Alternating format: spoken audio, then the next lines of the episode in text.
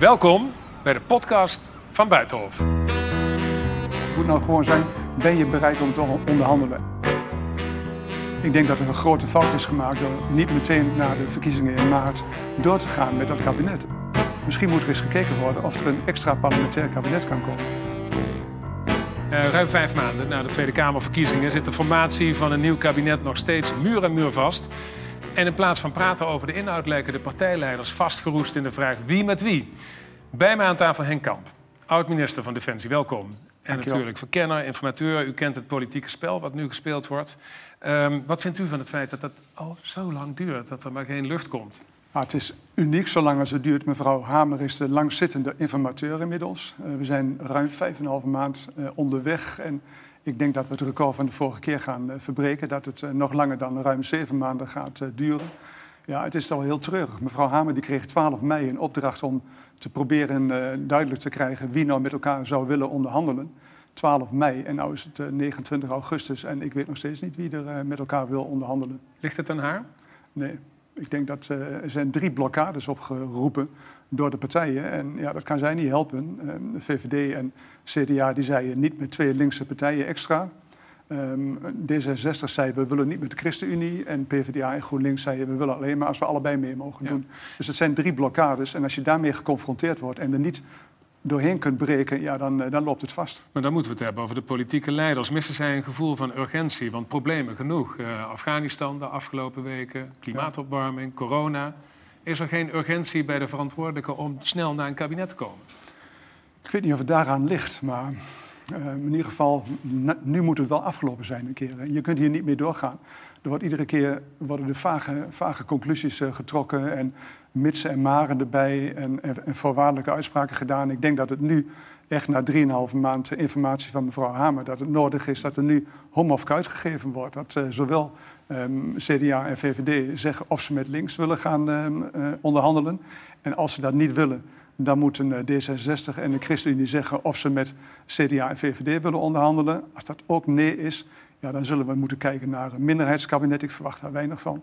Maar er moet nu echt uh, er moet, er moeten knopen doorgehakt worden. Mevrouw Hamer moet met haar eindverslag komen en dan moet er uh, iets gaan gebeuren. Laten we even de, de mogelijkheden doornemen. Want zoals u weet, en wij allemaal, GroenLinks en PvdA, misschien is dat goed nieuws voor de formatie, daar daarvan hebben de leden gezegd prima. Ga maar aan de onderhandelingstafel. We zetten ons over onze bezwaren heen tegen Rutte en de VVD. En uh, jullie kunnen samen aan de slag.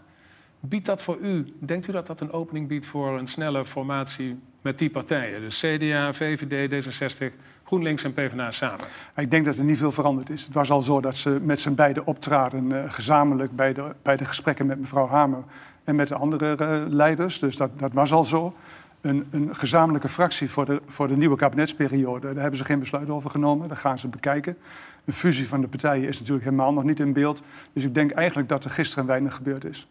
Maakt niks uit, zegt u. Ik denk dat er niks uitmaakt, nee. Maar eh, bij wie moet uh, Hamer beginnen, wat u betreft? Bij deze combinatie? Ja, ik vind wel dat ze daar nu mee moet beginnen. Er moet, er moet duidelijkheid zijn nu of, uh, of VVD en CDA... of die bereid zijn, en D66, maar dat, dat weten we al... Hm. of die bereid zijn om met PvdA en GroenLinks te onderhandelen. En dat moet, moet niet ja, maar of hm. mits tenzij, al dat soort dingen, daar hebben we niks aan. Het moet nou gewoon zijn, ben je bereid om te onderhandelen? En als ze nee zeggen, dan moet dat opgeschreven worden...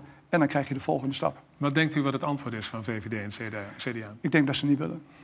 En als u dat zegt, dan uh, vraag ik dat aan iemand die VVD-prominent is. Uh, u bent een vertrouweling van uh, de demissionair premier Mark Rutte. Dus het antwoord wordt waarschijnlijk nee dan. Van nee, want ik ben al vier jaar eruit. Ik, heb, ik ben nog geen, geen woordvoerder van Mark Rutte. Ja, hij, hij, overlegt niet met mij, hij doet zijn werk. Ik ben commentator en ik kan zeggen wat ik ervan denk. En mijn verwachting is dat dat uh, nee wordt. Nee wordt. Weet Mark Rutte dat u hier bent vandaag bij Buitenhof? Ja, we, we weten van elkaar wel wat we doen ongeveer op hoofdlijnen.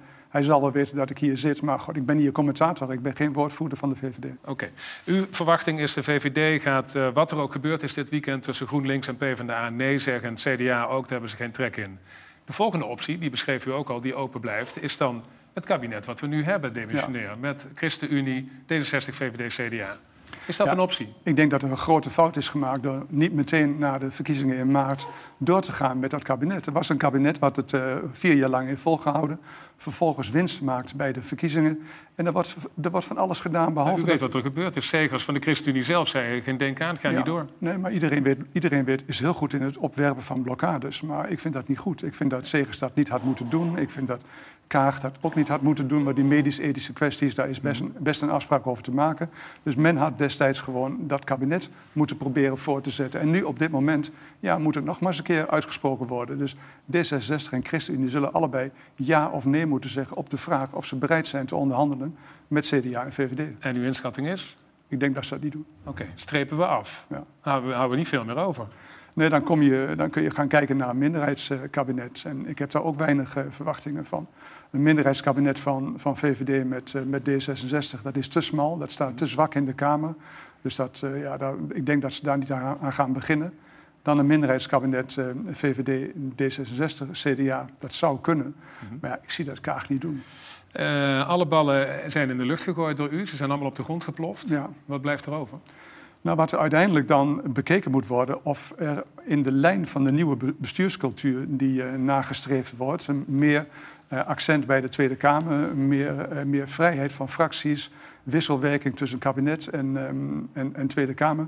Misschien moet er eens gekeken worden of er een extra parlementair kabinet kan komen. Dat betekent dat is niet gebonden aan fracties in de, ehm, in de Tweede Kamer. Er is geen regeerakkoord, maar er is een ministersploeg die een regeringsprogramma maakt. En dat regeringsprogramma dat, eh, die, dat moet dan in de Kamer verdedigd worden. En die ministersploeg die moet denk ik breed samengesteld worden. Dus daar kunnen uit, diverse eh, met mensen van diverse achtergrond kunnen in dat kabinet. En die moeten enthousiasme proberen op te wekken voor de plannen die ze hebben om de problemen die opgelost moeten worden, om die op te lossen. Is dat hetzelfde als wat eerder hier aan tafel is voorgesteld door CDA-prominent Veerman? Een, een soort zakenkabinet met de beste personen op de posten bij ministeries? Of ziet u iets anders? Nou, ik zie een zakenkabinet denk ik altijd aan buitenstaanders, politieke Ja. buitenstaanders. dit, zijn, En- dit zijn politici die al hun verdiensten hebben. Ja, politieke buitenstaanders die blijven denk ik niet overeind. Bij uitzondering misschien wel, maar normaal gesproken krijgen die het heel erg lastig op de ministeries.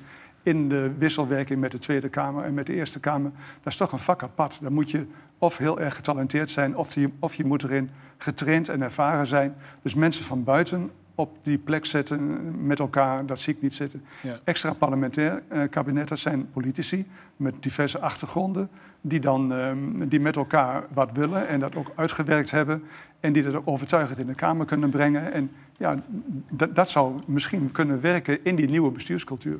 Heel democratisch is het niet, zo'n extra parlementair kabinet. Het is niet wat waarvoor mensen gekozen hebben. Het is eh, in zoverre, de, de mensen die gekozen zijn, die hebben ervan gemaakt dat we nu na vijf en een halve maand nog geen stap verder zijn. Dus het is, het is toch wel democratisch, omdat zo'n extra parlementair kabinet kan alleen maar functioneren als die regering, als dat regeringsprogramma ook geaccepteerd wordt door de Tweede Kamer. Zeg, en als de politieke moed en de politieke wil ontbreekt bij alle politieke leiders nu om met elkaar een kabinet te vormen, dan zegt u extra parlementair kabinet. Er is natuurlijk nog een andere oplossing, die zou misschien eh, zuiverder zijn: nieuwe verkiezingen. Ja, maar dan krijg je ongeveer dezelfde uitslag. En dan kunnen we weer opnieuw beginnen. En dan gaat het weer net zoals de afgelopen vijf en een halve maand.